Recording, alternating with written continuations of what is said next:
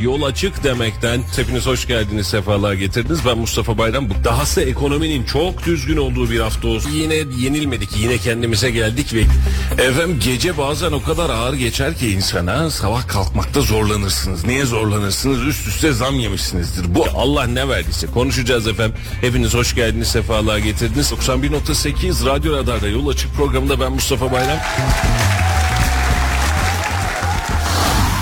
Radyo Radar Yol Açık başlıyor. Efendim hayırlı sabahlar ve günaydınlar diliyoruz. Hepiniz hoş geldiniz, sefalar getirdiniz. 91.8 Radyo Radar'da bölgenin tek haber radyosunda ve Kayseri'nin en çok dinlenen sabah akşam gün ortası programı hangisi derseniz bu programı da sizlerle beraberiz. Bugün Ankara stüdyolarından sizlere merhaba diyoruz. Çünkü bugün AK Parti açısından önemli bir gün. Kayseri Büyükşehir Belediye Başkanı adayının elinin kaldırılacağı ve Ankara'da Atu Arena'da e, belirleneceği günde sizlerle biz de Ankara stüdyolarımızdan yayına başlıyoruz çünkü gün içinde burada olacağız. Ama e, bir tarafta e, hattımızın diğer ucunda Kayseri'de Ahmet Bey orada hem yayını kontrol ediyor hem bize eşlik edecek. Hem de yine Ankara'da yanımızda Halil Bey de burada olacak. Halil Bey günaydın, Ahmet Bey günaydın efendim. Günaydın, günaydın arkadaşlar. Ankara'dan herkese günaydın sevgili dinleyicilerimiz. Efendim e, günü gündemi değerlendireceğiz. Ses kalitemiz stüdyodaki kadar belki olmayacak. Onu çözemedik. Ahmet Bey orada olunca tek başına buradan çok net kalite yapamıyoruz. Karşılıklı aktarım için henüz e, Veysel kardeşimizin bize çözüm bulmasını da bekliyoruz. Dur bakalım. çok özür dilerim ama biz ne olursa olsun sesimizi size ulaştırmaya devam etmeye çalışacağız. An itibariyle para piyasalarıyla izninizle başlamak istiyorum. Ee, an itibariyle dolar kuru 30 lira 14 kuruş olurken euro ise 32.90'da şu an itibariyle e, altının ons fiyatı 2008 dolara kadar geriledi. Orada ilginç bir düşüş var, ilginç bir gerileme var. Brent petrolde 78 dolara 13 centlik bir fiyat aralığı var. E, ne korkutucu ne ürkütücü devam ediyor ama altında ciddi anlamda bir düşüş var.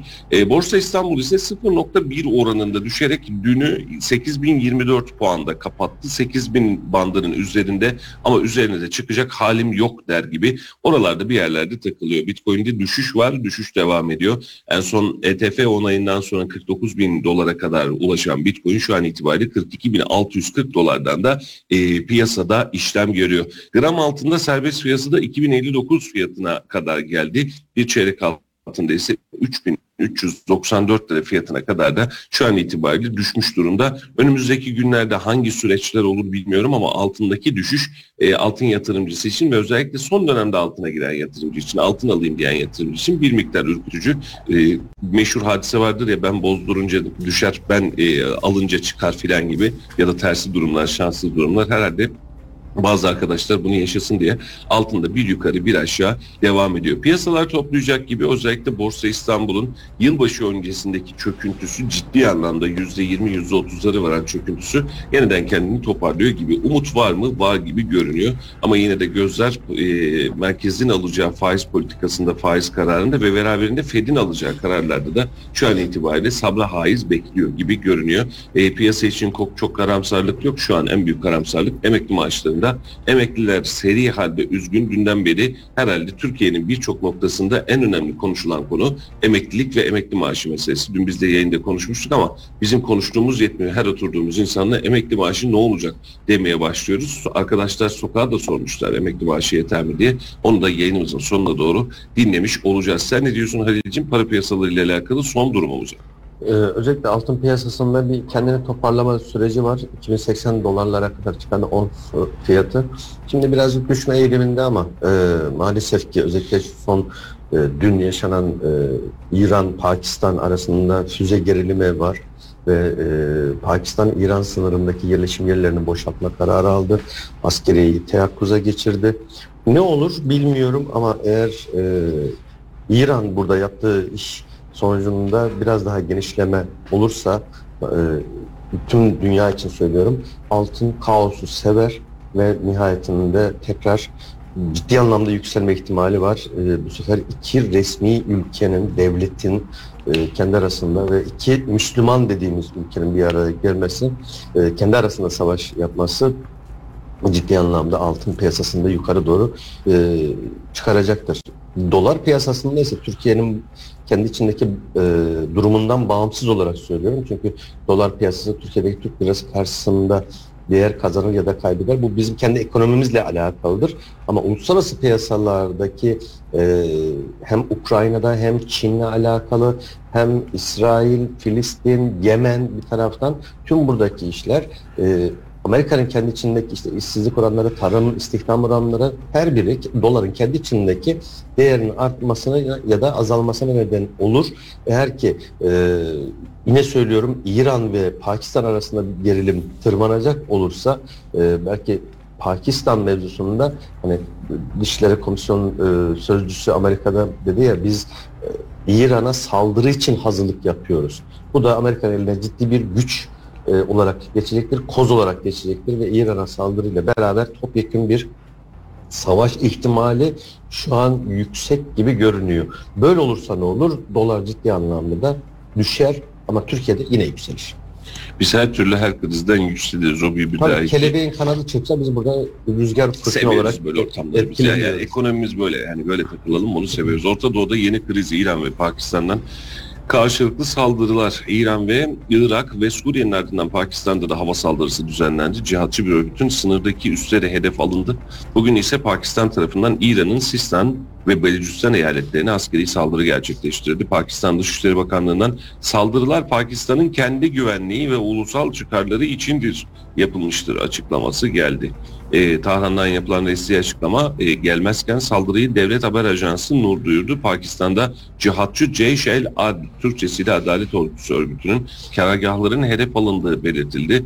İki üssün füzeler ve dronlarla imha edildiği açıklandı. Pakistan e, İran'ın hava saldırısını egemenlik ihlali olarak niteleyerek kınadı. Dışişleri Bakanlığı'ndan yapılan açıklamada iki çocuğun öldüğü, üç çocuğun yaralandığı belirtilmiş. Pakistan tepki olarak Tahran Büyükelçisi'ni İslamabad'a çağırmış.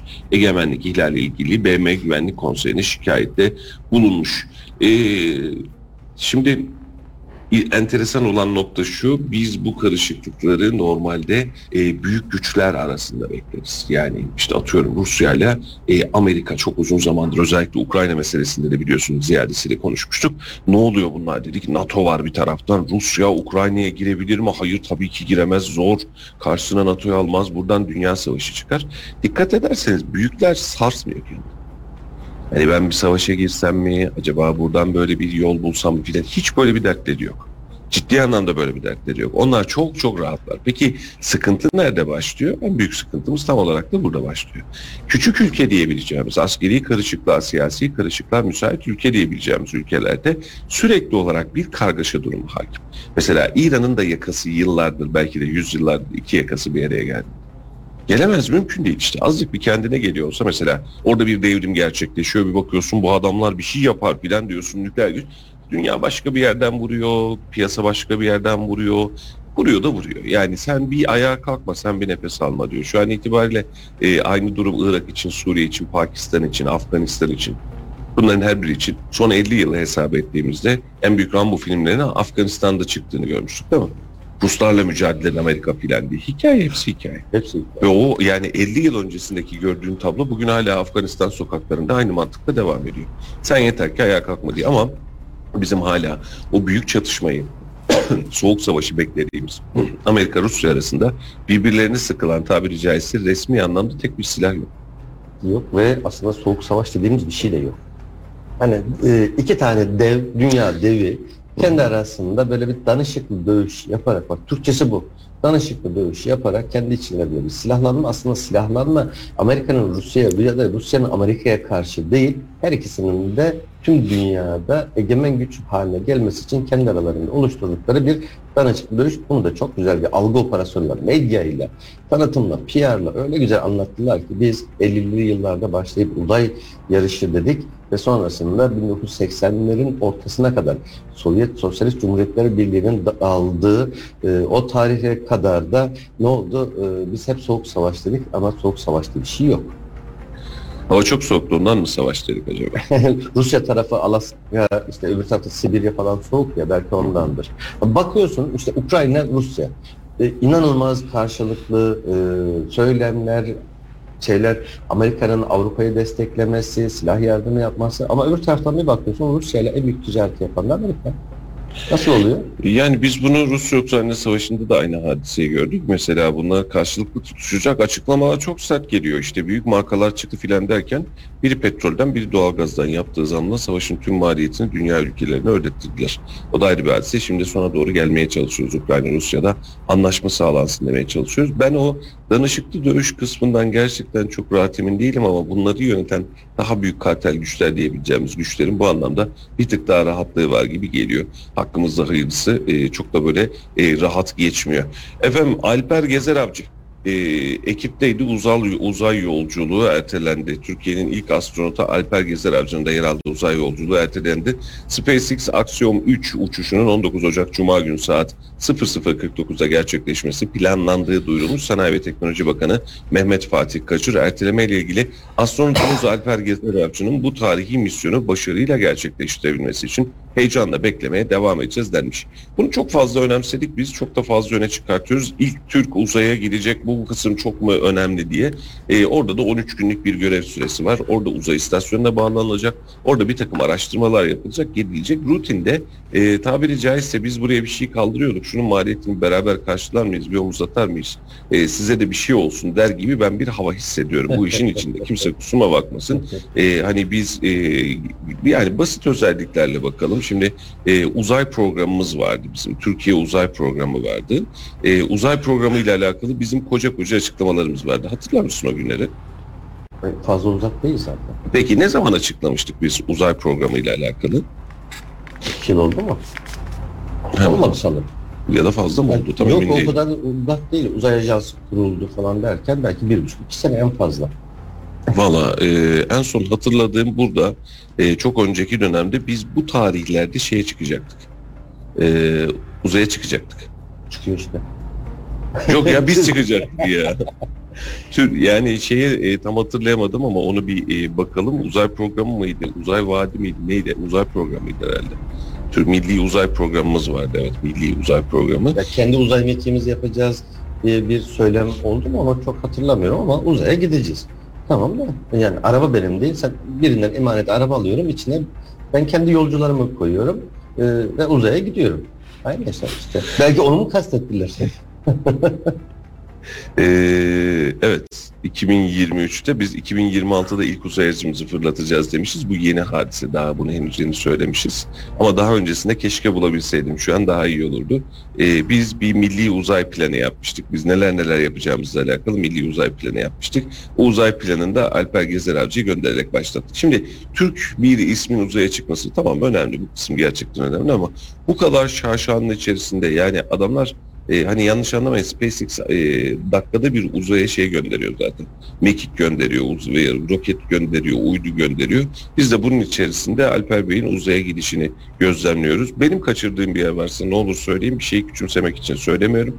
E, ama benim anladığım kadarıyla SpaceX zaten oraya gidecekti. Her ülkeden birer ikişer tane kişi alayım. Bunun da maliyetini ülkeler mi ödesin e, acaba dendi. Araştırma böyle mi yapılsın dendi. NASA böyle bir karar mı aldı? Bunu gerçekten bilmiyorum. Ama böyle bir programla biz de tamam uzaya çıkıyoruz dedik. Gün, gündem oydu. Hani çıktık çıkıyoruz. Aa uçuş ertelendi iki gün sonrasında dendik. Ve şu an itibariyle iki gün sonrasında gerçekleşti. Ne zaman? 19 Ocak Cuma günü saat 0.49'da e, gerçekleşmesinin planlandığı belirtilmiş. E, ve plana göre de bakacağız. SpaceX Axiom 3 uçuşunun e, gerçekleşmesi ve uzay üstüne gitmesi için e, böyle bir alan planlamış olacağız. Bilginiz olsun. ya dikine çıkan roket. Şurada 5 kilometre 10 kilometre havaya çıksa zaten atmosferin dışına çıkıyor. Ondan sonrasında zaten oksijen yok, atmosfer yok, bir şey yok, rüzgar yok, fırtına yok. Güzel. Dikine çıkıyor. Yani hava muhalefeti nesi? Öyle, öyle Hava muhalefeti değil ya. O, o bir çıkıyor gibi oldu. Hava Evet. muhalefeti değil yani. Öyle bir öyle bir dertle gitmedi iş. Yok hava muhalefeti değil. Ola- olay yani olay sen de çok küçümsedin. Biz o dikine yıllardır gidemiyoruz dikine dikine. Yani eller gider Mersin'e biz gider istersin ama biz yıllardır gidemiyoruz. Onun için e, öyle bakma üzülürüm. Yani e, orada ciddi emek var. Eğer öyle olmuş olsaydı şimdiye kadar biz yani dikine gitmek bizim işimizi çok rahatlıkla giderdik. Olmadı. Biz burnumuzun dikine gitmeyi severiz. Tabii canım ya biz, biz öyle bir şey yapamadık yani ve hülasa o. Efendim bugün AK Parti'de adaylar açıklanacak. İki e, büyükşehir adayı e, da küçük büyük ölçüde kesinleşti diye bir haber geçilmiş. 48 ilin belediye başkan adayları açıklanacak. Açıklama öncesi bazı aday isimleri gündeme gelmeye başlandı diye haber yapmış. Hatta E, AK Parti Ankara İl Başkanı Hakan Özcan, Özcan sosyal medya hesabından Ankara'da Büyükşehir Belediye Başkanı adayı ilan edilmesi beklenen Turgun Altınok'un paylaşımını yapmış. Altınok'un büyük olasılıkla Ankara Büyükşehir için aday gösterileceği belirtiliyor. İzmir'de ise Büyükşehir Belediye Başkanı adayı olarak Hamza Dağ ismi öne çıktı. E, Dağ'ın adaylığı da bugün açıklanacakmış. E, durum böyle. Şimdi biz aslında en çok Kayseri'ye takıldığımız için diğer kısımlara bakmıyoruz ama Ankara ve İzmir açıklanmamıştı. Yani İstanbul'da e, Murat Kurum'un açıklanmasından sonra e, bu alan yoktu. Şimdi Kayseri'deki dinleyen vatandaş şöyle diyebilir. Bana ne kardeşim Ankara'dan İstanbul'dan denir.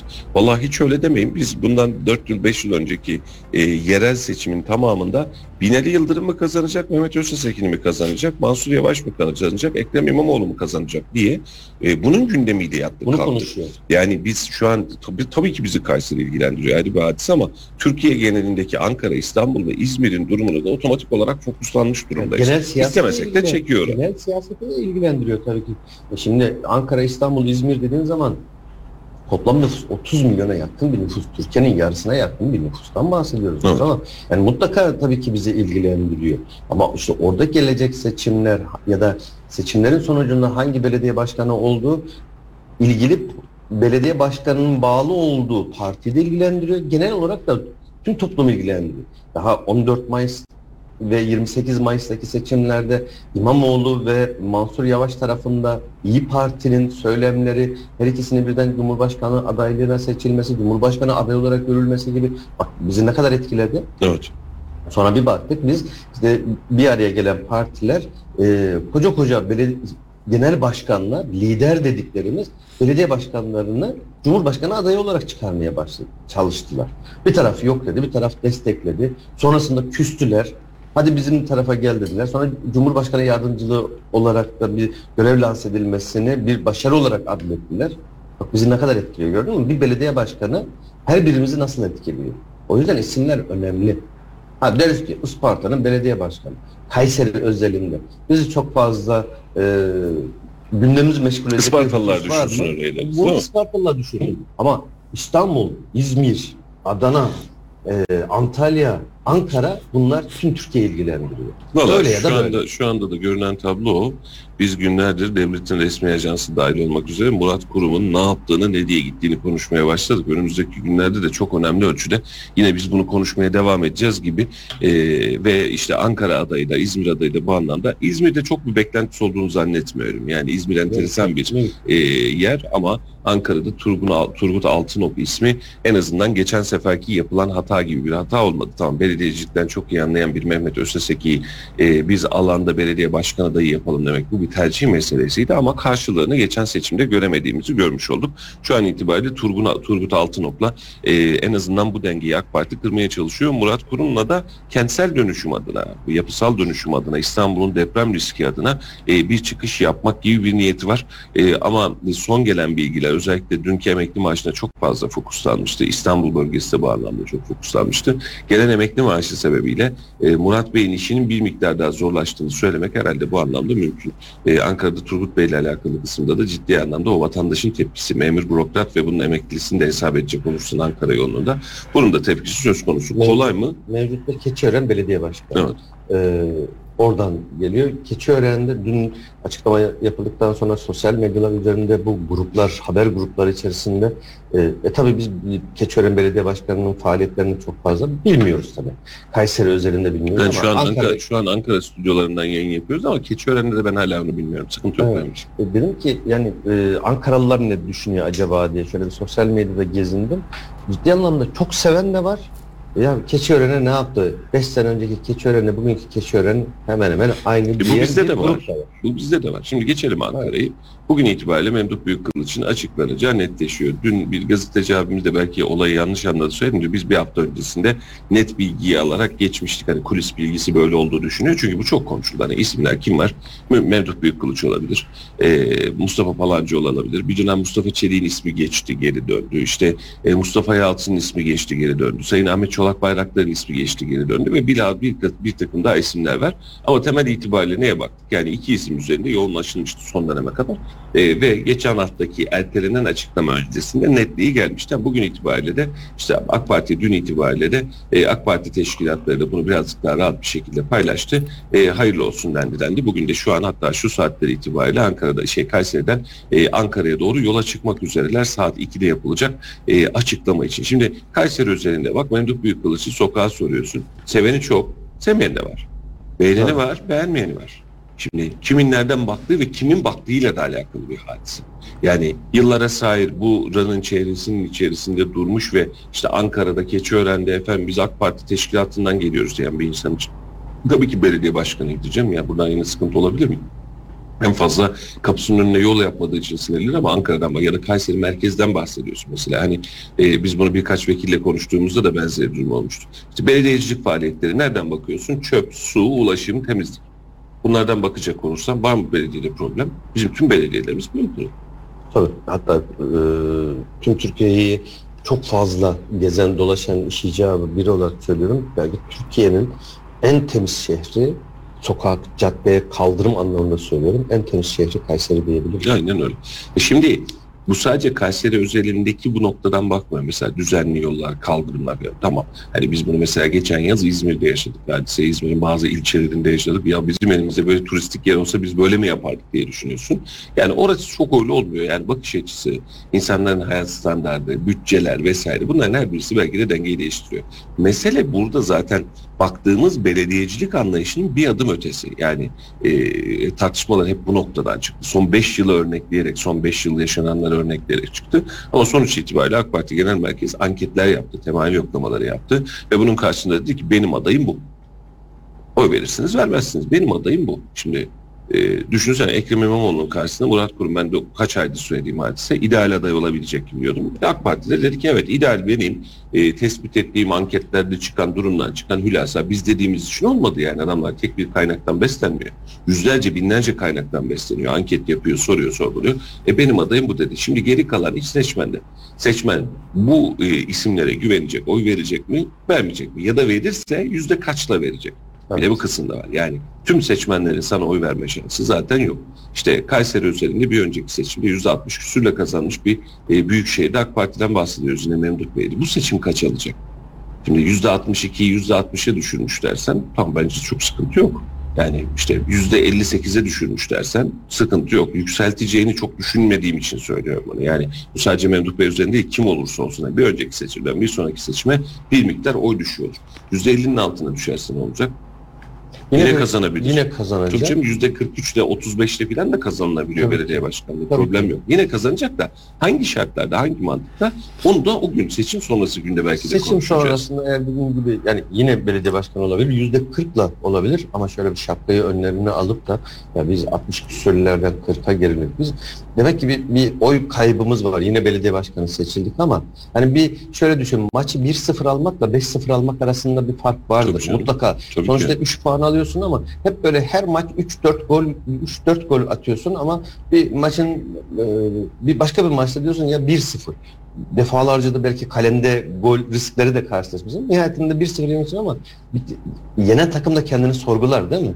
Yani ben ba- kolay almam gereken bir maçta zor bela. Halil'cim futboldan futboldan Halledin. bahsettim. Bir de şey var. Maçın ilk ilk 5 dakika 5. dakikasında bir gol atıp e, maçı almak var. Bir de 90 artıda son gol atıp o anda maçı almak var değil mi? Bu da bir etken. Tabii ki canım. Her biri. Yani kendilerini sorgulamak açısından bir çek etme açısından da önemli bence. Ya mesela e, AK Parti bir önceki seçimde Binali Yıldırım ve Mehmet Özteseki kararını Ankara ve İstanbul'da ve iki tarafta da kaybedilen hatta bir yerde seçimi ikinci kez tekrar ile kaybedilen e, durumu çek etmedi mi sizce? Yani bence onlarca kez çek etti, onlarca kez konuştu, onlarca kez ne yaptık efendim biz iyi mi yaptık, kötü mü yaptık, nasıl oldu bu iş diye e, bunun derdine tasasına düştü ve sonuç itibariyle bugün baktığınızda yaşça yaşlanmış bir Binali Yıldırım örneği gibi bir örnekle İstanbul seçmeninin önüne çıkmadı. Misal veriyorum. Yani orada kaybedilen bir seçim, arada bir seçim ve böyle işinin uzmanı, ordinarius profesör 70 yaşında, 80 yaşında diyebileceğimiz bir adamla değil, genç bir isimle ve özellikle kentsel dönüşüm gibi alanlarda, mimari gibi alanlarda Çevre Şehircilik Bakanlığı yapmış. Murat Korum gibi bir isimle ortaya çıktılar. Şimdi dönüyorsun Ankara'ya, Ankara ile alakası olmayan, Ankaralı olmayan, ben de bir zamanlar Ankara'da okumuştum demeyen, bunun karşılığında da Ankara'da ben Keçiören'de belediye başkanlığı yaptım. Ben bu işi haizim, ben Ankara'yı tanıyorum diyen birini aday yaptı. Bak bunlar e, al- aslında alınan dersin ne olduğuyla alakalı da önemli nitelikler değil mi? Yani bu yani büyük şehirler üzerinde ders alınmış ve görülmüş hadise. Ee, 2019 yerel seçimlerinde o, o dönem mesela Mehmet Özçeseki Bey'in e, bakanımızın Ankara'da belediye başkanı adayı olduktan sonra daha seçim olmadan önce Ankara'da o zamanki görüştüğümüz, tan- tanıdığımız, bildiğimiz kim varsa genel anlamda söylemleri şu oldu. Ya bizim Mehmet Özçeseki Bey'le tanıyoruz, biliyoruz ama bu adam Ankaralı değil dediler. Doğru. Ben neden Ankara'da yaşamadı. Ankara'da bürokrat olarak, milletvekili olarak bulundu ama ben ona oy vermem. diyor. Aslında AK Parti'ye gönül vermiş ya da muhafazakar kesim birçoğu sadece bu sebeple Ankaralı olmaması, Kayserili olması sebebiyle oy vermedi. Belki o dönem Mehmet Özçeseki Bey'i Sayın Bakanımızı seçmiş olsalar belki bir bambaşka bir Ankara görecektik biz bugün aradan geçen 5 yıl sonra. Bunu bilmiyoruz. Ama e, insanların en büyük oy vermeme ki öyle çok büyük bir fark da yoktu. E, sa- sadece bu sebeple oy vermeyenlerin sebebiyle bile belediye başkanlığını kaçırdı. Ha, bu bağlamda şimdi Kayseri özelini düşünelim. Kayseri'de Kayserili olmayan bir belediye başkan adayı olsa Kayseri'de çok bulunmamış. Ne düşünürüz? Ya bu adam Kayserili değil değil mi? Benzer şeyi Ankaralılar söyledi. Evet. O yüzden şu an Keçiören Belediye Başkanı'nın mevcuttaki Ankaralı, Ankara'yı bilen, yıllarca belediye başkanlığı yapmış olan birinin tercih edilmesi evet bence doğru bir karardı. Valla bana da öyle gibi geliyor. Yani o birazcık daha doğru içten birisi. Yani bunu şöyle düşün. Kayseri'ye Memduh Bey'in bırakacağını e, yeter dediğini düşünelim ya da tamam ben buradayım bitirdim tamam dediğini düşün. Yerine kimi koymak istersin? Mesela Gaziantep Belediye Başkanı Fatma Şahin gelsin bize belediye başkanı olsun ister misin? Ya şehri ne tanıyorsun sen nereden geleceksin dersin doğru mu? Ankara'dan Mansur Yavaş'ın CHP'den Kayseri aday olduğunu düşün mesela. Yani bir, bir önemli bir isim siyasetin içerisinde. O, ya ne alakası var dersin? Yani ya da Melik Gökçe'nin mesela. Ya ne alakası var? Hani biz kendi kendimizi yönetemiyor muyuz? Biz kendi kendimizi yetmiyor muyuz. Hani Ankara ve İstanbul'da genelde şöyle düşünülür efendim. Zaten burada olan yok. Yani zaten dışarıdan gelmiş bilmem bir yer. İşte, işte Ekrem İmamoğlu'na bak mesela. O da İstanbullu değil bir tarafı Trabzonlu diyorsun. Ama mesele şu. Adam orada görev yapmış. Orada kendini ispat etmiş. Ben buradayım demiş. Siyasetin de orada mayalanmış. Yani Evet. başka bir yerde siyaset yapıp ondan sonra tepeden koyma ben de buraya geldim dememiş. Bunun için bu kısım önemliydi. Yani duruş itibariyle e, Ankara üzerinde doğru bir tercih yapılmış. Dediğim gibi e, tek seçim ya da tek neden sadece nereli oldukları değil adayların. Bu ayrı bir hadise. Siyaseten de burada bir sebep var. Hani e, çok uzun zamandır aynısını konuşuyoruz. Çöpleri kim alacak diye tartışıyoruz ama çöp alma tartışmasının ötesine geçti bizim işimiz. Siyasi olarak tartışıyoruz. Mesela emekli maaşına hiçbir katkısı ya da etkisi olmayan olmayan belediye başkanlarını emekli maaşıyla kıyaslayabiliyor şu an toplum. Çünkü niye işin içinde siyaset var? Her şey siyaset. Ve muhalefet de bunu kullanıyor. E, kullanacak sen olsan sen de kullanırsın. Tabii ki yerel seçimlerde geneli ilgilendiren bir emekli e, konusunu bak size emeklilere yeterince e, zam verilmedi. Sizin bu hayat standartınız düşük. O zaman yerel seçimlerde şu partinin adayına oy vermeyin. Kendilerince haklı. Eline geçen her kozu, her fırsatı değerlendirecek ve bunu söylem olarak söyleyecek. Gayet normal. Ama belediye başkanı seçiyoruz. Lakin e, şuna çok katılmıyorum Mustafa. Evet biz belediye başkanı, yerelde belediye başkanını seçiyoruz. Çöpleri kim toplayacak? Ama o kadar da basit indirgemiyorum ben.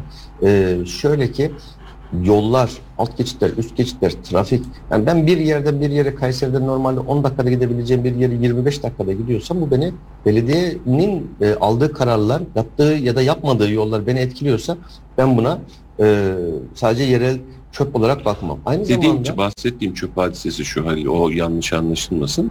E, işi küçümsemek değil aslında e, tabir şu kim hizmet edecek, kim altyapı yapacak, kim üst yapı yapacak hadisesi. Yani emekli maaşımızı kim belirleyeceği vereceğimiz kararın seçimi geçti. Mesela Tabii, e, ekonomiyi nasıl düzelteceğizi vereceğimiz seçimin kararı geçti. Misal olarak veriyorum. Bunlardan bahsediyorum. Mesela dış politikada ne yapacağımızın e, verecek kararı ver- verilecek kararın seçimi geçti. Terörle nasıl mücadele edeceğiz? İşte bunu burada istemi bu, bu seçimler geçti. Yani biz belediye başkanı seçtiğimizde siyaset bizim içimize çok fazla nüfuz etmiş durumda olduğu için her alanı siyasetle bütünleşik gördüğümüz için bunu söylüyorum. Yani emekli maaşıyla belediye başkanının ne alakası var? Bu anlamda söylüyorum. Yoksa yani gelecek belediyeyi yönetecek, şehri düzenleyecek, ulaşımını, ulaşım konforunu değiştirecek, yol konforunu değiştirecek. İşte parkı bahçeyi değiştirecek, vizyon koyacak. Belki işsizlikle alakalı önemli bir kıstas geliştirecek. Büyükşehir Belediye Başkanları, ilçe başkanı tarıma destek verecek ya da tarıma köstek olacak. Ee, çok net ve çok güzel bir tarım alanını belki imara açacak. Belki de hiç alakası olmayan bir alanda yeni bir şehir kurarak şehri rahatlatacak. Evet bunlar çok stratejik kararlar. Yani böyle aman canım boş ver çöpü kim toplayacak kararı yap- değil. ya da yapmadığı alt e, yaptığı nedeniyle yollarda kalıyorsa Yani azıcık bir yağmurda e, ilerleyemiyorsak hatta bak işin enteresan tarafı şu e, gelen özellikle mülteciler e, ülkemize sığınan insanları belirli mahallelerde yerleşmesine ve o mahallenin nüfus yapısının çok daha üzerine çıkacak şekilde müsamaha ediliyorsa bu da belediye emniyetle alakalı, valilikle alakalı bir şey ama bu bile sıkıntı. evet. E şu an Kayseri özeline bakın. Eskişehir bağları herhalde nüfusunun en az yüzde 50'den fazlası herhalde Suriyeli göçmenlerdir. E Argınca'a bakıyorsun öyle. Sahabiye zaten yüzde 90'ı Suriyeli olmuş durumda neredeyse. Sen bunları belirli yerlerde kümelenmesine müsamaha edersen e, o zaman e, burada da sıkıntı var. Yani belediyecilik e, toplumun aslında o şehirde yaşayan insanların aldığı kararlar, yaptığı ya da yapmadığı hizmetler ciddi anlamda doğrudan etkileniyor. Ben Evet. şehrimde huzur içinde olmak istiyorum. Kazasız belasız yoluma gitmek istiyorum. Yatay mimariye geçmek istiyorum. Yeni böyle e, artık imar planlarının rant planı olarak değil de o şehirde yaşayan insanların huzuru, refahı için diyorum. Daha yükselmesine, engellemesini yerine üretim ve arzı artırarak, arsa yeni arsalar oluşturarak maliyetlerin aşağı doğru çekilmesi ve daha fazla insanın e, daha uygun fiyata konut sahibi olması bak belediyenin elinde. Tüm bunlar aslında da ekonomiye de katkı bir taraftan. Ulusala da katkı. Sadece Kayseri özelinde değil. Tüm Türkiye için söylüyorum. Ve biraz önce güzel bir cümle kurdun. İşsizlikle mücadele konusunda eğitim, kurslar, bunları yaptığı şeyler, kalifiye personel yetiştirme konusunda aldığı kararlar hepimizi doğrudan etkiliyor. Tabii canım. Ee, biz çok organik olarak aslında oraya bağlıyız. Mesela milletvekilinden daha fazla oraya bağlıyız. Hani çünkü Kesinlikle. anlık yaptığı her işin her uygulamanın yani mesela belediye meclisinde aldığı ya da almadığı her kararın e, personelini e, düzenli tutmasının ya da tutmamasının tüm etkilerini aslında hep beraber görmüş oluyoruz. Onun için orada çok ciddi bir risk ve orada ve çok ciddi bir alan var. E, beklenti şu tabii ki iyisi olsun, en iyisi olsun, en güzeli olsun. Hepimizin ortak beklentisi bu. Bunu yaşamak için neye ihtiyacımız var? Bunu yaşamak için de doğru düzgün e, anlatılmış, doğru düzgün tamamlanmış, doğru düzgün evet ya kardeşim bu adam da olur diyebileceğimiz insanlara ihtiyacımız var. Ankara ve İstanbul'u çok konuşacağımız ama yereldeki adayların e, Tayyip Bey'in zaten yaklaşımı da bildiğim kadarıyla buydu. Çok uzun dönem bunlar böyle konuşulmuştu. Efendim e, sıkıntısı olmayan yerlerde e, çok da fazla müdahale etmeyelim diye düşünerek e, tamam o olduğu yerde kalsın hiç problem etmeyelim. E, tamam burada rahat mıyız kazandık mı tamam bunu da rahat rahat kazanalım diyeceğimiz e, bir sürece işi oturtmuş olduk ve e, başarılı görünen ve hala hazırda aslında görevine rahatlıkla devam eden belediye başkanlıklarıyla alakalı e, olduğu gibi kalsın dendi. Mesela Kayseri özelinde e, henüz netlenmeyecek, bugün de açıklanmayacak ama merkez ve ilçe belediye başkanlıklarıyla alakalı da kararlar verilecek. Yani mesela Melik Gazi Belediye Başkanı, Kocasinan, Talas, Hacılar, İncesu, işte Felahiye, Bünyanlı yani bunların kim olacağıyla alakalı da kararlar Cumhur İttifakı tarafından verilecek kararlar da bugün belirlenecek. Başkan adayı olsun diye yanlış anlaşmasın başkan olsun diye değil. Bu başkan adayı olmak için çıkartacaksınız. Başkan adayı olacaksınız. Başkan adayı olacak da olduktan sonra da vatandaşa seçim ekseninde bunun e, hesabını soracaksınız. Hesabını vereceksiniz ve vatandaş da size oy verecek. Şu an gelen son bilgiler e, özellikle merkezde herhangi bir değişik değişiklik olmayacağı konusunda hemen hemen bir beyan var ortada ya bir değişiklik olmayacak gibi diyor. Hani e, Melik Gazi yerinde, Koca yerinde, Talas yerinde diye görüşülüyor ve konuşuluyor. Ama yine de tabii ki e, dün il başkanı ile yaptığım görüşme, bugün de Allah kısmet ederse stüdyoda konuk olarak almaya çalışacağız. Onlarla yaptığımız görüşme bu toplantılar, bu açıklama bittikten sonra önümüzdeki hafta parti içerisinde ve genel merkezde yapılacak bir takım toplantılarla beraber e, tabiri caizse maestro diyebileceğimiz Büyükşehir Belediye Başkanı'nın kimle çalışıp kimle çalışmak istemediği ile alakalı e, teşkilatın da vereceği kararlarla beraber diğer takımında yani ilçe belediye başkanları takımında belirlenmesi olacak gibi görünüyor. Şu an görünürdeki tablomuz bu. Yani önümüzdeki haftada e, ilçe belediye başkanları belli olacak. Belki e, bugün bir ihtimal merkez ilçelerin açıklanma ihtimali var gibi görünüyor ama bunu çok fazla teyit edemedim. Çok fazla ihtimal yok gibi ay sonu itibariyle de e, dönüyoruz. E, şeyle alakalı, e, sen söyle alakalı, e, ilçelerle alakalı son karar ve son tespit ortaya çıkmış olacak gibi görünüyor. Mustafa'cığım Evet, yerelde de Buyurun Ahmet. buyurun abi. Ee, şeye dönüyoruz farkında mısın? Tayyip Bey'in ilk açıklamalarında hani kulis bilgileri vardı ya e, adaylarımızı da hani sağlam olduğumuz yerlere dokunmayın. Bunları değişiklik yapmayın. Sanki biraz ona dönmüşüz gibi geliyor. Yani arada çok şey konuşuldu ama sanki ilk kulis bilgilerine tekrar dönülmüş gibi hissediyorum ben. Valla e, görünür tablo öyle görünüyor Ahmet Bey. Yani bunun da sonucunu aynen bir önceki seçimde yaşadığımız gibi bunun da sonucunu AK Parti e, seçim sonrasında ve seçim sonrasında ne kadar ne kazandığına bakarak ne kadar arttırdığına ya da azalttığına bakarak belki de bu anlamda daha rahat görecek gibi geliyor. Ama tespitin doğru rahat olduğumuz yere dokunmayın. Yani gidiyorsa dokunma diye meş, meşhur mühendislik tanımı var yani çalışıyorsa dokunma diyor yani bir şey çalışıyor ve gidiyorsa ya buna da çok fazla yerinden etmeyelim Yani çok risk almak gibi. istemediğini görüyorum ben AK Parti'nin bu durumda adaylarını belirlerken. Ya burada e, parti üzerinde de şu eleştiri yapmak lazım. AK Parti kendi siyasetçisini dahi daha az dinler hale geldi. Yani e, gündemi mesela benim kendi orada milletvekilim var. Sokağa en yolu biliyor. Ne diyor kardeşim sokak diye sormuyor mesela. E, milletvekiline soruyor. Sormuyor derken şu anlamda yanlış anlıyorum. Milletvekiline soruyor. İl teşkilatına soruyor. Sokağa soruyor. Medyaya soruyor. Medya takiplerine bakıyor. Harici istihbaratlar yapıyor. Harici insanlar gönderiyor ve çok yörden aslında teyit alıyor. AK Parti şu an kendi içerisinde ben bu kararı verdim ve kesinlikle doğru karar verdim diye düşünüyor. Çünkü elindeki matematik bugüne kadar oluşturmuş olduğu matematik ona şunu gösteriyor. Evet e, bu bu bu bu kriterlerde en üstün kim?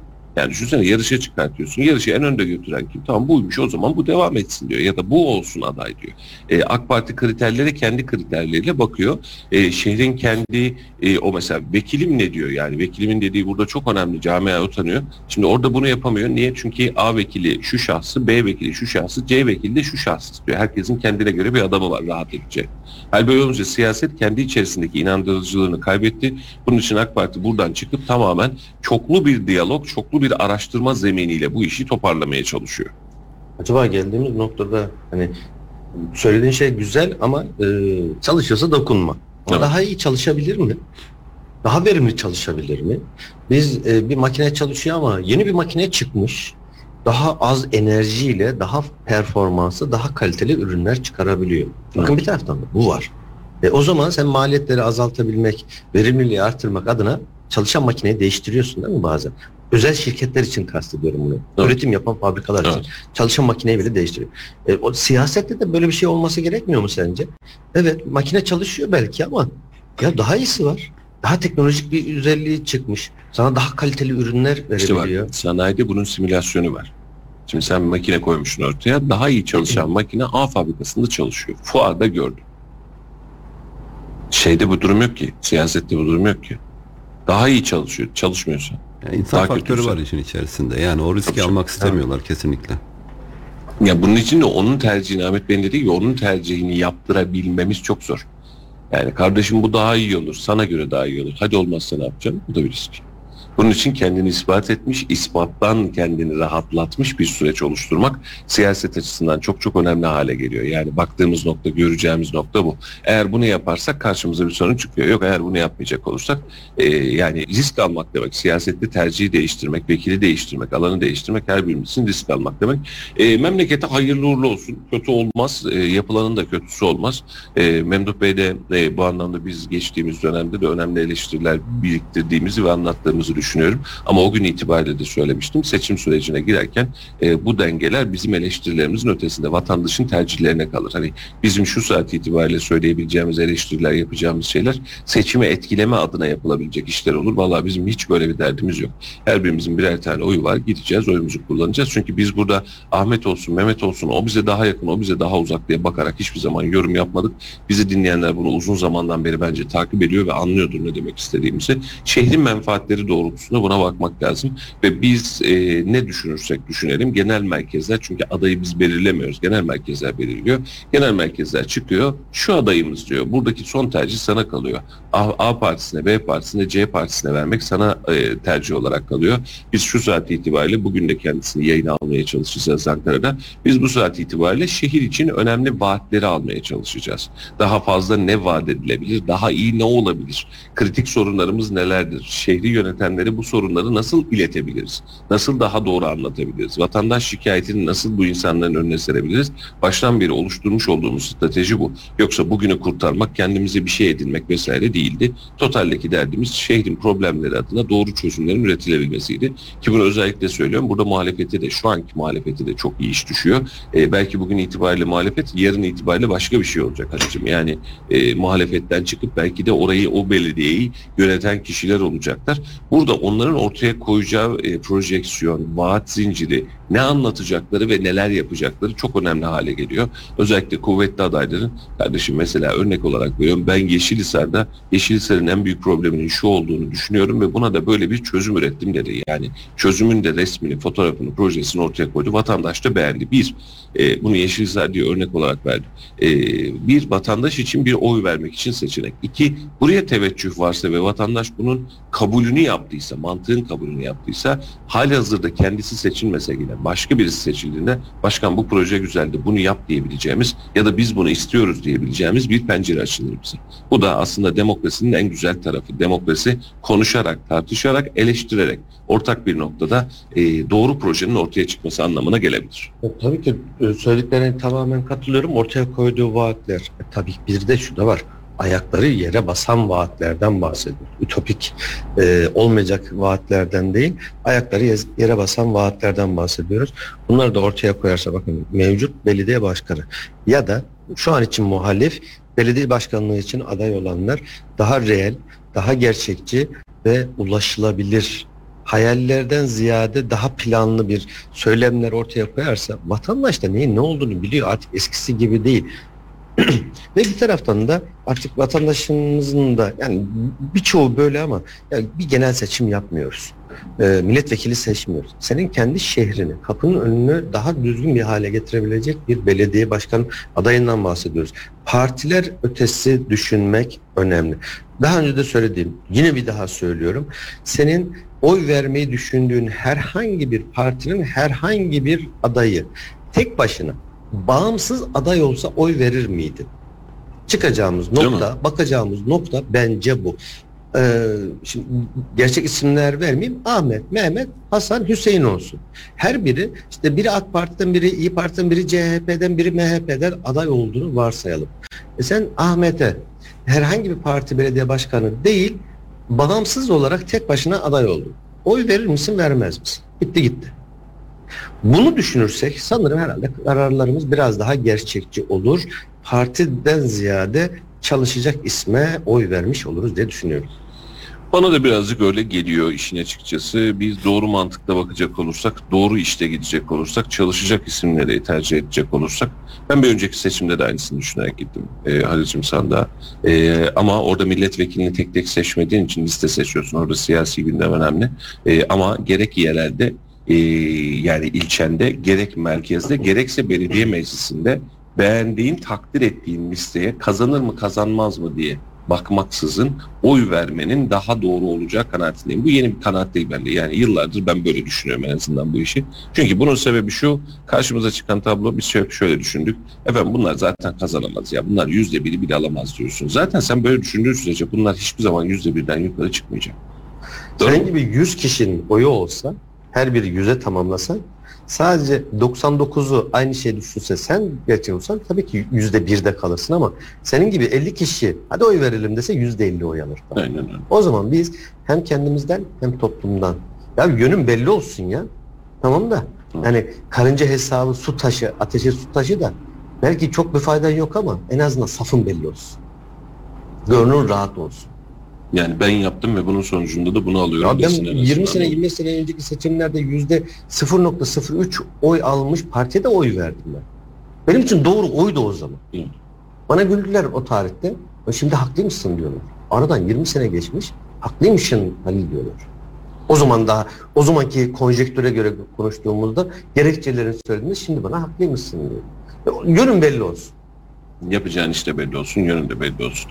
Ee, bence de e, durumu aslında seçime yakın bunu daha fazla konuşacağız ama gerçekten e, bakacağımız her işte seçime kadar bir son dakikaya kadar kim ne anlatıyor, kim ne verecek ve biraz önce sen önemli bir şey söyledin. Vaat edecek ama vaat ettiği şeyi yapabilecek mi? Bizim için önemli problem bu. Ayaklarıyla Yani-. Yani sen bir şeyi vaat ediyorsun. Ben sana diyorum ki işte Alper Gezer Avcı'yı uzaya göndereceğim diyorum. Bak işte olmuyor. Kısmet olmayınca olmuyor. İki gün sonra yakalıyor. Yine göndermiş olurmuşsun. Seçimi bugün yaparsak göndermedin. iki gün sonra yaparsak gönderdin. Geçen seçimde bunu anlatmıştım. 2023 seçimleri öncesinde 2018 seçimlerimiz vardı değil mi? 2018'in önünde de 2013 seçimleri var. 2013'te vaat ettiklerimizi 2023'te ancak yapmışız. Ama yapmışız. 5 yıl geriden gitmiş. Yani Geç AK olsun Parti. güç olmasın. Yani e, vaatlere bakacak olursam böyle tanıtım filminin devamı gibi oluyor. Yani mesela şunu yapacağız demiş. O 5 yıllık dönem içerisinde yetişmemiş sonrasında yetişmiş. Şimdi burada da zaman mefhumu da yapacağın işin timingi de yani e, ne zaman yapacaksın, nasıl yapacaksın, hangi bütçeyle yapacaksın. Sonrasında aa buna paramız yetmedi mi diyeceksin. Bunların tamamı bence önemli hale geliyor. Ve burada da e, ciddi ciddi hani e, adayların performansı inandırıcılığı önemli. Yani bu adam yapar kardeşim. Bak ben buna güveniyorum demek var bu adamdan hiçbir alt olmaz, hiçbir şey yapamaz e, demek var. Bunların nasıl olacağını ve nasıl sonuçlanacağını da önümüzdeki dönemde hep beraber göreceğiz ama e, ben son gün son dakikaya kadar adayları zorlamamız gerektiği kanaatindeyim. Zorlayacağız tabii. Yani Bize sonuna düşen- kadar. Şehir için de o. Bize Yok de sadece bize değil vatandaşa da böyle. Yani vatandaşın kapısına gidecek. Yok, biz dediğim zaten Kayseri'deki vatandaş söylüyorum. Hepimiz için söylüyorum. Kaç oy kullanacak Kayseri'de? 700 bin var mıdır? Hemen hemen Bakmadım yaklaşık o civarlarda. Yok özür dilerim 900 bin miydi? İnan hatırlamıyorum. Bilmiyorum. Neyse bakalım. Her birimize 800 bin 900 bin her neyse her birimize düşen görev bu. Siyasetçiyi, belediye başkan adayını zorlayacağız. Ya bizi temsil ediyor. Bize bir anlamda hizmet veriyor. Belediyecilik hizmettir. Yani icra makamıdır. Kanun koyucu değildir, kanun uygulayıcıdır. Hükümetten, devletten, meclisten başka bir şey. Ve bunun denetleyicisi de il genel meclisi ya da ilçe meclisi. E o zaman oradaki insanları doğru seçeceğiz. Karar verme mekanizmasında olan kişileri doğru seçmemiz lazım. Her bir adayı parti olarak değil, kişi olarak seçmemiz lazım. Zorlamamız lazım. Ve bunların da çalışıp çalışmadığını da denetlememiz lazım. İşte biz o zaman biraz daha müreffeh oluruz. Ya bakıyorsun Türkiye'de bak hepimiz öyle bir kanıksamışız ki Mustafa. Bir binanın ömrü 50 yıl. 50 yıl sonra her an ya bırak 7 şiddetini 4 şiddetinde olsa yıkılacak. Niye böyle yapıyoruz? E bakıyorsun Avrupa'ya ya da yurt dışına 100 yıllık, 200 yıllık, 300 yıllık binalar sapasağlam ayakta. Ama bir bakıyorsun e, 50 sene önce yapılmış bina e, Allahu Ekber diyor. Düştü düşecek, yıkıldı yıkılacak. Doğru. Secdeye gidiyor resmen. E, depremlerde biz bunu yaşadık. Biz hala kentsel dönüşüm diyoruz. Bugün yaptığımız binalarda yarın 50 sene sonra bizim çocuklarımız ya da torunlarımız bugünkü sorunla aynısını yaşayacak. Bu bina çürüdü. Hadi bir daha kentsel. Ya biz 50 senede bir kentsel dönüşüm mü yapacağız? Sürekli maliyet mi olacak? Hep boş mu ödeyeceğiz? Aslında e, geçtiğim dünkü yayında kullandığım hadiseye çok fazla benziyor Halil'ciğim. Yani e, karşına bir tablo çıkıyor. Karşında e, adaylar, siyasetçiler, belediye başkanları var. Projeyi kaç günlük yapıyor? Ya mesela biz bunu daha öncesinde çok konuşurduk. Artık son dönem konuşmuyoruz çok şükür. Mesela gelirdi belediye asfalt atardı. Asfalt attıktan bir ay sonra e, iş makineleri gelirdi orayı kazardı. Evet. E, doğalgaz çekerdi mesela. Sonra bir daha asfalt atılır. Sonra bir bakarsın başka biri telekom altyapısı çeker başka bir şey çeker. Planlama önemli. Yaptığın işin kaç günlük olduğu önemli. Şimdi kaldırım yapıyorsun, yol yapıyorsun, düzenleme yapıyorsun. Sonra süreç içerisinde sürekli olarak bunu evriltiyorsun. Evlilik meşhursa anlarım. Kardeşim bizim işte atıyorum e, 100 araçlık bir otopark ihtiyacımız vardı. O gün onu yaptık. Aradan 10 yıl geçti, 20 yıl geçti. Misal 100 araçlık otopark bize yetmiyor. 1000 araçlık otopark yapmamız gerektiğine karar verdik. Bu normal bir karar. Yani çünkü buradaki gelişim ve bunun masrafı düşünsene hani e, bundan bir sene 1930'da Kayseri'ye otopark yapıyorsun 10 bin araçlık mantığı var mı? Böyle bir araç sayısı yok. Bu mantıksız olurdu. Ama e, bahsettiğim hadise de tam olarak bu. Yani bir planlama yapıyorsun. 6 ay içerisinde planlamayı değiştiriyorsun. Bir yol yapıyorsun. 6 ay sonrasında yolu değiştiriyorsun. Kavşak yapıyorsun. Kavşak modelini değiştiriyorsun. Kendine işte atıyorum hız sabitleyici yapmaya çalışıyorsun. Sonra buradan vazgeçiyorsun. Bence bu kısımlar önemli. Ee, şehrin nasıl yönetileceği yani ya da bir işin nasıl yapılacağıyla alakalı. Bu kendi işimiz için de geçerli. Yani şu an itibariyle bir cihaz alacağını düşün. Nasıl bir cihaz alırsın? Yani bugün alayım 6 ay sonra çöpe atayım maliyeti 500 bin lira. Yapar mısın bunu? Ya yarın çöpe atacaksam 3 ay sonra kullanamayacaksam ne gerek var? 500 bin liraya almak yerine 1 milyon liraya alayım dersin. Misal olarak veriyorum ben bunu 5 yıl kullanayım dersin. Ömrü daha uzun olanı yani Ya o fiyat performans ve ömrü daha rahat olanı tercih Tamam edersin. bütçenin alakalı ama biz bunu kendi hayatımızda yaşıyoruz. Televizyonundan, arabasından, cep telefonuna kadar diyoruz ki ben şunu alırsam 2 yıl kullanırım bunu alırsam 8-10 sene kullanırım diyor. Evet. İşte 10 sene e, kullanırım hesabı ya- yapıp da kendini ona göre ayarlayan da işte vizyon sahibi oluyor. 70 sene 100 sene sonrasını düşünerek hareket eden de işte o zaman ne oluyor? Ee, Mehmet Çalık oluyor. Osman, Osman Kavuncu oluyor. değil mi? Bak adı kalıyor. Hı. 70 sene geçmiş adı kalıyor. Ya bakın yurt dışındaki işte filmlerden 1930'lu, 20'li, 40'lı yılların o yıllarda çekilmiş filmleri var. O tarihteki yollara, binalara, yer altındaki kanalizasyon sistemi. Ya yeraltı tünellerine iki tane araba yan yana geçiyor. 100 sene önce adam düşünmüş, yapmış. Bir daha 300 sene dokunmayacak buraya. Ama biz ne yapıyoruz? Söylediğin gibi biz önce üst yapı yapıyoruz, sonra altyapıya geçiyoruz. Önce bir altyapıyı yap. Tamam maliyet. Ama işte o zaman vizyon sahibi oluyorsun. O zaman sen adını e, altın harflerle yazdırıyorsun. Caddeler, sokakları ismini o zaman verdiriyorsun. Evet. O zaman işte 1950'li yıllarda İnönü'ye bir kafa tutmuş olan Osman Kavuncu oluyorsun. Bir bardak su getiriyor İnönü'ye. Bu diyor suyu diyor Kayseri içmek zorunda değil diyor. İçinde saman var. Hı hı. Ve ondan sonra Kayseri'nin bütün altyapısı değişiyor. Ama biz ne yapıyoruz? İşin başka boyutlarına geçiyoruz. Günü kurtarma derdin olursa ya bu benim bir sene idare eder. Şimdi param buna yetiyor. Değil işte. Paranı da ona göre ayarlayacaksın. 10 sene kullanacağın eşya. Ya bugün yapılacak işi de geçici olarak yapabilirsin Halil ama dediğim gibi buradaki fiyat performans, verim, vatandaşın rahatlığı mesela trafik kazası yaşanabilecek bir yerde kardeşim ne giyiyor ne gerekiyorsa biz bunu yaparız demen gerekiyor. Çünkü insan canından daha önemli bir hadise yok doğru mu? Yani mesela üst geçit yapmamız gerekiyor. Bunu geçici şöyle bir çözüm yok kardeşim. Burada kaza oluyorsa, burada insanlar canını kaybediyorsa, burada yapman gerekiyorsa yapıyorsun. Bunun parasal bir karşılığı yok. Ama toplamda bakmış olduğun zaman biz yola çıkalım da hele bir yolda değiştiririz, düzenleriz diye bir planlama yapmaya devam ediyorsan burada da yanlışlar var. Bunu sadece Kayseri değil birçok yerin özelinde düşünüyorum. Mesela biz yana yana tramvay hattı yaptık. O zaman da konuşmuştuk. Ee, kötü mü oldu? Güzel oldu. Bak mis gibi tramvay hattımız var. Yapanın eline sağlık. Şimdi tramvay yapamadığımız bölgeler var bizim. Halil. Mesela Erkilet hattına biz tramvay henüz taşıyamadık. Doğru mu?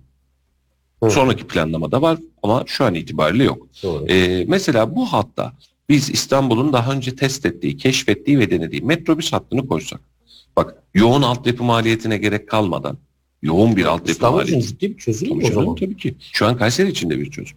Yani mesela Hacılar yol güzergahı Esenyurt tarafını düşün bir gözünün önünde canlandı. Çok ciddi bir trafik yoğunluğu var. E ne yapalım? Efendim tramvay yapamadık henüz oraya. Doğru yapamazsın. Çok ağır maliyetler. Yani vagona ayrı bir dert, öbürü ayrı bir dert. Ama sen şimdi tramvay hattı için yapacağın tramvay hattı için yolda genişletme yapacak mısın? Evet. Yapacaksın. Yap şimdiden. Onu da güzel asfaltla. Bak tramvayda yapma. Asfaltla. Metrobüs bizim bildiğimiz körüklü otobüs yani biz yıllarca kullandık Kayseri'de hala var. Şimdi onun elektrikleri de var. Şu standart route'da rutin hareket eden bir otobüs hattı düşün. Ve elektrikli olsun yine bak. Gittiği route da belli. Dur kalkı daha az. Trafiği daha az kesiyor. Kendine ait bir sınırı var. Metrobüs sınırı var. Bırak gitsin. Gidemiyor. Gidemiyor. Her yerde kırmızı ışık var. O da var. İşte o zaman da bunu seç. Bunun tercihini yap. Mesela yolun sağına soluna yap. Senin ışığına dahil olmak zorunda kalmasın. İşte yoldan bir cep var oraya gidecek onu alttan geçir gerekirse. Bir şey yap ama. Biz kenardan yapmıyoruz. Tam yolun ortasına geçiyoruz tramvayı da. Yani şehir için e, bahsetmiş olduğumuz o metrobüs hadisesi e, bence İstanbul için büyük bir kurtuluş oldu. Bakma şimdi otobüsü iterken yok otobüs çalışmıyordu kaza yaptı hatta yapayım aracın olduğu her yerde kaza olur. Bizim Kayseri'de kazalarımız olmadı. Tramvayımız meydanda adama çarpıp öldürmedi. Tramvay ya. Normalde tramvayın adama çarpma ihtimali yok. Adam tramvaya çarpmıştır. Tramvayın yolu çünkü orası anladın mı? Yaşanmadı mı? Evet. Tramvayın kaç tane ölümlü kazası var bununla alakalı? Arızası var. Trenler için aynı şey E, tabii canım. Kendi yolu. Başka bir yerden de gidemez mi? Şimdi buradan bakacak olursak denenebilir, yapılabilir, projelendirilebilir. Çünkü sen yarın tramvay yaptığında aynı bölgeye. Efendim tramvayda ışıklarda dursun. Şu an Sivas Caddesi üzerinde bunu yaşıyor muyuz mesela? Çok rahatlıkla yaşıyoruz. Tramvay ışıkta seninle beraber bekliyor. Normalde beklememeli. Yani onun hattı senin trafiğinden ayrı olmalı. Kesinlikle. Beklememeli. Sen de onu Kesinlikle. beklememelisin. Şimdi 6 tane girişi çıkışı olan yolda sen bir de tramvayı bekliyorsun. Acaba tramvay bir çıksa da ben de yoluma baksam diye. Onun için zor bir zanaat. Şehre plan ve proje yaparken tabii ki bunlar tavsiye. E, bunun karşılığını yapmak için de ciddi bir altyapı ihtiyacı var. Bu altyapıyı yaparsak bugün metrobüste başlarız. Yapacağımız şey yol düzenleme, yol genişletme ve alanı açma. Eğer sen bunu trafikten bağımsız trafik ışığına takılmadan bir tramvay daha doğrusu metrobüs hattı oluşturursan buraya aynı metrobüs hattına yarın ray taşımaya, ray dizmeye başlarsın istiyorsan tramvay yaparsın. İstediğin gibi Ha, kullanırsın. gerek var mı? Tramvayın cihazı e, şeyden daha ucuz değil, metrobüsten e, daha ucuz değil. Tramvayın altyapısı zaten başlı başına çok ciddi bir maliyet. En azından yeni alanlarda, yeni açıklarda e, bunu da yapmak, bunu da düzenlemek mümkün olur. Efendim yavaştan sona doğru geleceğiz. Ankara stüdyolarından bugün size sesleniyoruz. Sesimiz bir miktar bunun için farklı gelebilir. Ahmet Bey Kayseri'de, biz Ankara'da e, Halil Bey ile beraber bugünkü yapılacak açıklamanın sonuçlarını ve gündemlerini hep beraber bekliyoruz. Size de anlatmaya, size de canlı yayınlarda ulaştırmaya çalışacağız. Ama biz yavaştan dilerseniz müsaade edelim. Çünkü Laf Sokak'taydı sizle paylaşmak istiyorum yayın süremizin içerisinde. Bugün de şöyle bir 3-5 dakika kadar kısa kesmiş olalım. Çünkü gündem yoğun, bizim için de gündem yoğun. Bugün de gün boyunca e, gerek Kayseri Radar'dan gerek Radyo Radar'dan size canlı yayınlarla olanı biteni açıklamaya, anlatmaya çalışacağız. Yarın sabah saatlerinde yani yarın bu saatlerde e, Büyükşehir Belediye Başkanı adayı, İYİ Parti Büyükşehir Belediye Başkanı adayı Kazım Yücel stüdyo konuğumuz olacak Kayseri'de. Kendisiyle e, memlekete ne yapacaksınız efendim konuşacağız. E, bence önemli bir yayın olacak. Sabah bakalım e, neler alacağız e, Kazım Bey'den. E, beraberinde akşam saatlerinde de Sedat Kılınç'la Amerika Belediye Başkanı adayı Sedat Kılınç'la bir yayınımız olacak. E, artık adaylar AK Parti'de de belirleniyor. MHP'de belirlenmiş oldu. Önümüzdeki hafta itibariyle AK Parti'den, MHP'den, CHP'den, İyi Parti'den, Deva Partisi'nden, Gelecek Partisi'nden, e, Yeniden Refah Partisi'nden, Saadet Partisi'nden birçok adayın sesini size de ulaştırmaya çalışacağız. Sürçülisan ettiysek ya da edecek olursak şimdiden affola. Son bir haber okuyayım. Başta açmıştım ama Halil'cim bu kısmı kaçırmayalım. Hazine ve Maliye Bakanı Mehmet Şimşek bir açıklama yapmıştı. Ekonomi kısmında bunu ne yazık ki ihmal ettim haberi. Tahsilat performansını iyileştirdiklerini belirterek 2002 2022 yılında %89,5 olan vergi gelirlerinin tahakkuk tahsilat oranı 2023'te 3.2 puan artarak %92.7'ye yükseldi ifadesini kullanmış. E, tahsilat çalışmamız kapsamında demiş beraberinde e, vergi ödemelerinin önemli ve zamanında yapılmasının hukuki sonuçları hakkında borçlular birebir bilgilendirildi demiş. E, borçlarını ödemekte zorlanan yasal çerçevede taksitlendirme yapıldığına işaret eden Şimşek çalışmalar sonucunda 2023 yıl bütçesinde öngörülenden daha iyi bir gelir performansı gerçekleştiğini kaydetmiş. E, burada da maliye kulislerine e, belki hep konuşuluyordur ama vergi oranlarının bir miktar daha düşürülerek daha fazla tahsilat oranına ulaşılabileceği bunun da dünyada tonlarca örneği olduğunu hatırlatmak isterim. Vergi oranlarımız hala çok yüksek. Bu sadece KDV üzerinden bakmıyoruz işe. KDV'yi yükselttik zaten 18'i 20 yaptık. Onu, onu da 20 yaptık arada. E, birleri 10 yapmaya çalıştık. Ama bakacağımız yer şurası. E, bir de bunun kurumlar vergisi kısmı ya da gelir vergisi diyeceğimiz kısımlar var. Buradaki oranlar da hala can yakıcı durumda ve Türkiye Cumhuriyeti'nde bir vatandaş kazanmış olduğu paranın takriben do- doğrudan ve dolaylı vergilerle %50'den fazlasını bazen de %50'ye yakınını devlete vergi olarak ödemek zorunda kalıyor.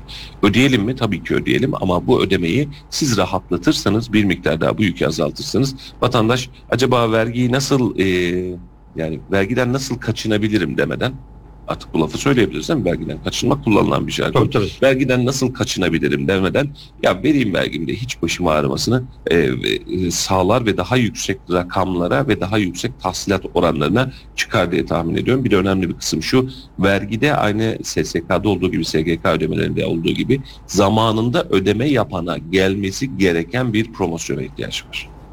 Zamanında ödeyen çünkü her türlü kabahatli çıkıyor çünkü af çıkıyor. Bir Çünkü yüz- indirim yüzde beşlik bir indirim var ama e, sen yatırmadığın zaman yüzde elli avantajın. Aynen öyle. Yani acı bir şey. Bir de Mehmet Şimşek'in söylediği şey e, işte nereden baktığımız önemli. Tahsilatta yüzde 89, 90, 95. Tamam güzel. Senin tahakkuk ettirdiğin rakamı tahsil ediyorsun. Ama acaba o yükseltmek de mümkün. acaba o tahakkuk rakamı doğru mu? Ve biraz önce söylediğin gibi vergiden kaçınma. Ya bir bakıyorsun koca koca dev gibi fabrikalar ya da dev gibi işletmeler altlarında son model ultra ultra lüks otomobillere binenler bir memur ya da bir işçiden daha az vergi ödüyor yılın sonunda. Evet. Belki kitabına uyduruyor. Bu başka bir şey ama ya buna müsaade etmeyin. Kitabına uydurulmasına da müsaade etmeyin. O zaman da işte her zaman ekonomide şu vardır. Ee, vergi oranlarını düşür daha fazla vergi topla. Evet. İşte o vergiden kaçınma, kaçırma, kaçınma, işi legalleştirme, kanunsuzlaştırma yerine daha az e, vergi oranlarıyla daha fazla vergi toplanabilir. Tahsil etmek Tahsil, hem e, vergi rakamın, tahakkuk rakamın yükselir hem tahsilatın daha da kolay. Çünkü kimse tenezzül etmez. Totalde sen bugün itibariyle örnek veririm attığım rakamı 100 milyar TL toplayacaksan şu anki mevcut durumda vergi oranını düşürdüğün zaman 150 milyar e, TL'ye çıkacak bu rakam. Net. Evet. 130'a çıkacak. 150'ye çıkacak. Bak bu 300 sene önce konulmuş bir istatistiki e, ve e, iktisat terimidir. Ve günümüzde hala geçerli. Bundan 500 sene sonra da geçerli olur. Efendim e, doğru yapılan ve doğru şekilde olanı e, bekliyoruz, umut ediyoruz. Memleket adına da, vatandaş adına da, devlet adına da. Efendim müsaade istiyoruz. Dün tabii ki sokağa e, neyi sorduk? Sokağa emekli maaşını sorduk. Nasıl buldunuz bu rakamları dedik. Sokaktan da cevaplar aldık. Tepkili olanlar var. Ne olursa olsun fark etmez diyenler var. E, ve bunun karşısında o çok bile olan, e, çok bile fazla diye ironi yapanlar var. Laf Sokak'ta ile sizi baş başa bırakıyoruz ve bugün de yayınımızın sonuna giriyoruz. Buyurun Ahmet Ee, Bey. yayını kapatmadan e, çok hızlı giriş yaptınız. Bölmek istemedim. Hava durumuyla alakalı da bir bilgilendirme yapmamız gerekiyor. Bugün Kayseri'de Ankara'nın durumunu bilmiyorum. Soruyu soracağım. Ee, çok sisli bir havayla uyandık. Yani bu kışın en sisli gününe uyandık. Görüş mesafesi 30 metre civarındaydı. Tabii sesin getirdiği araçlarda ciddi camlarda buzlanmalar da vardı.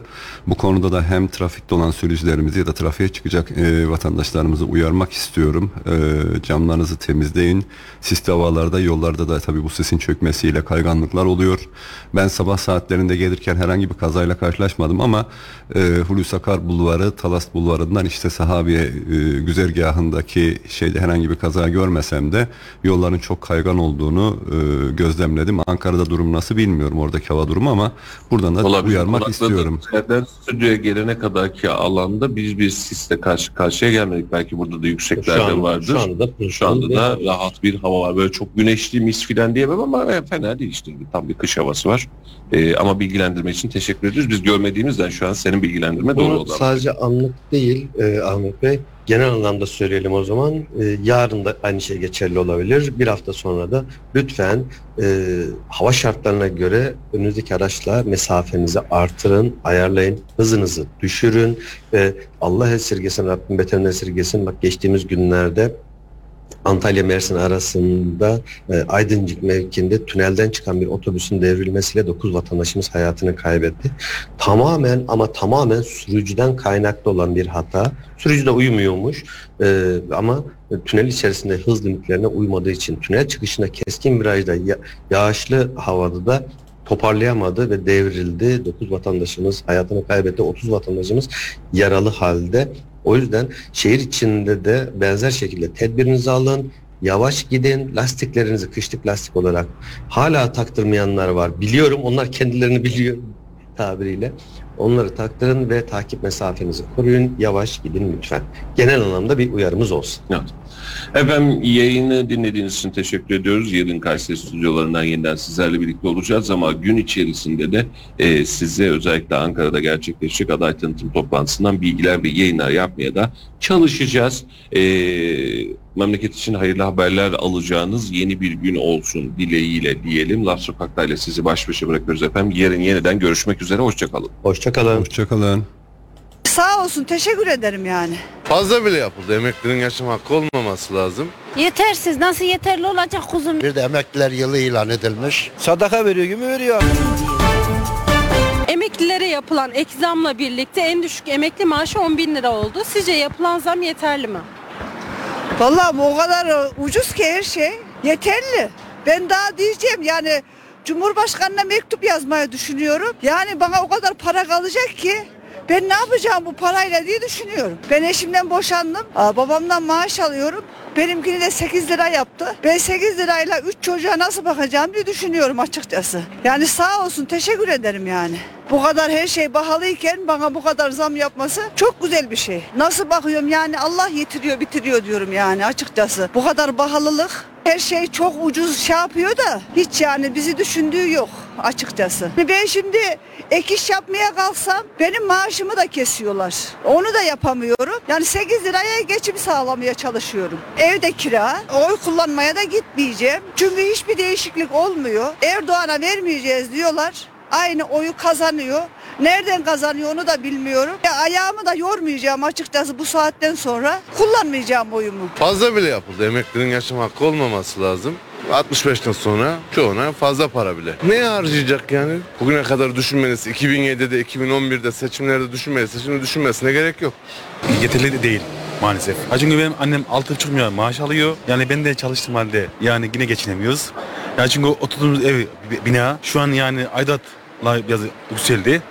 Yani o yüzden bina biraz bize yani ağır geldiği için bir de ben evli de değilim. Yani evli olmadığım halde yine çok şükür diyoruz. 15 de olsa yetmez. Yani çünkü yetmez de çünkü hayat pahalı.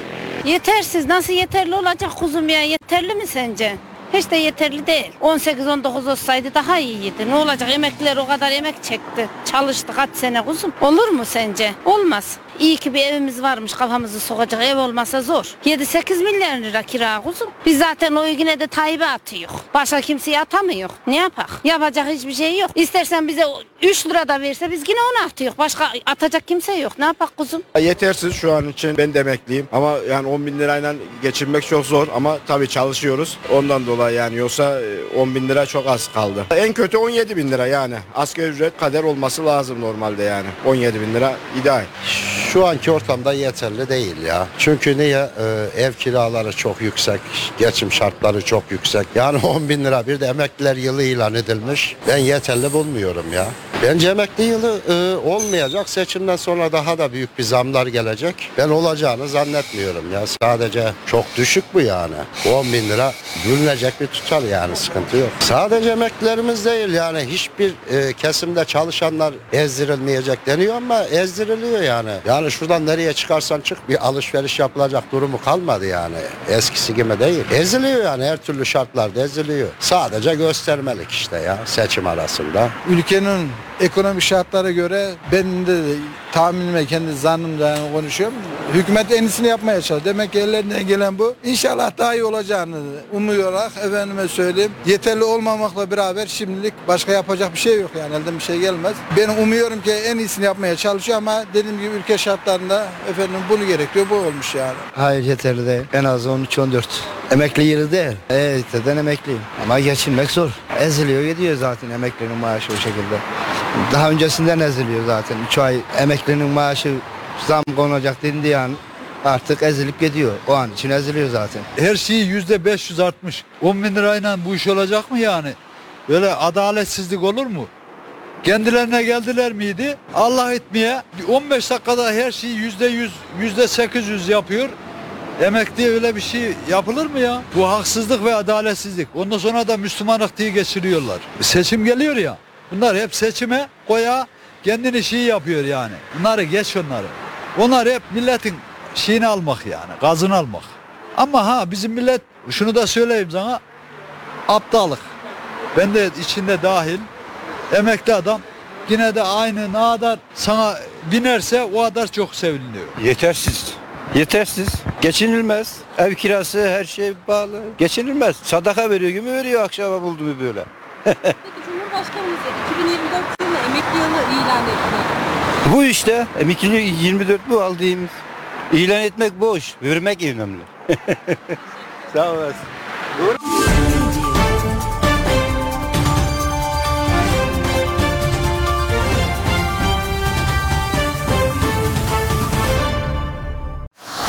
Radyo Radar yol açık sona erdi.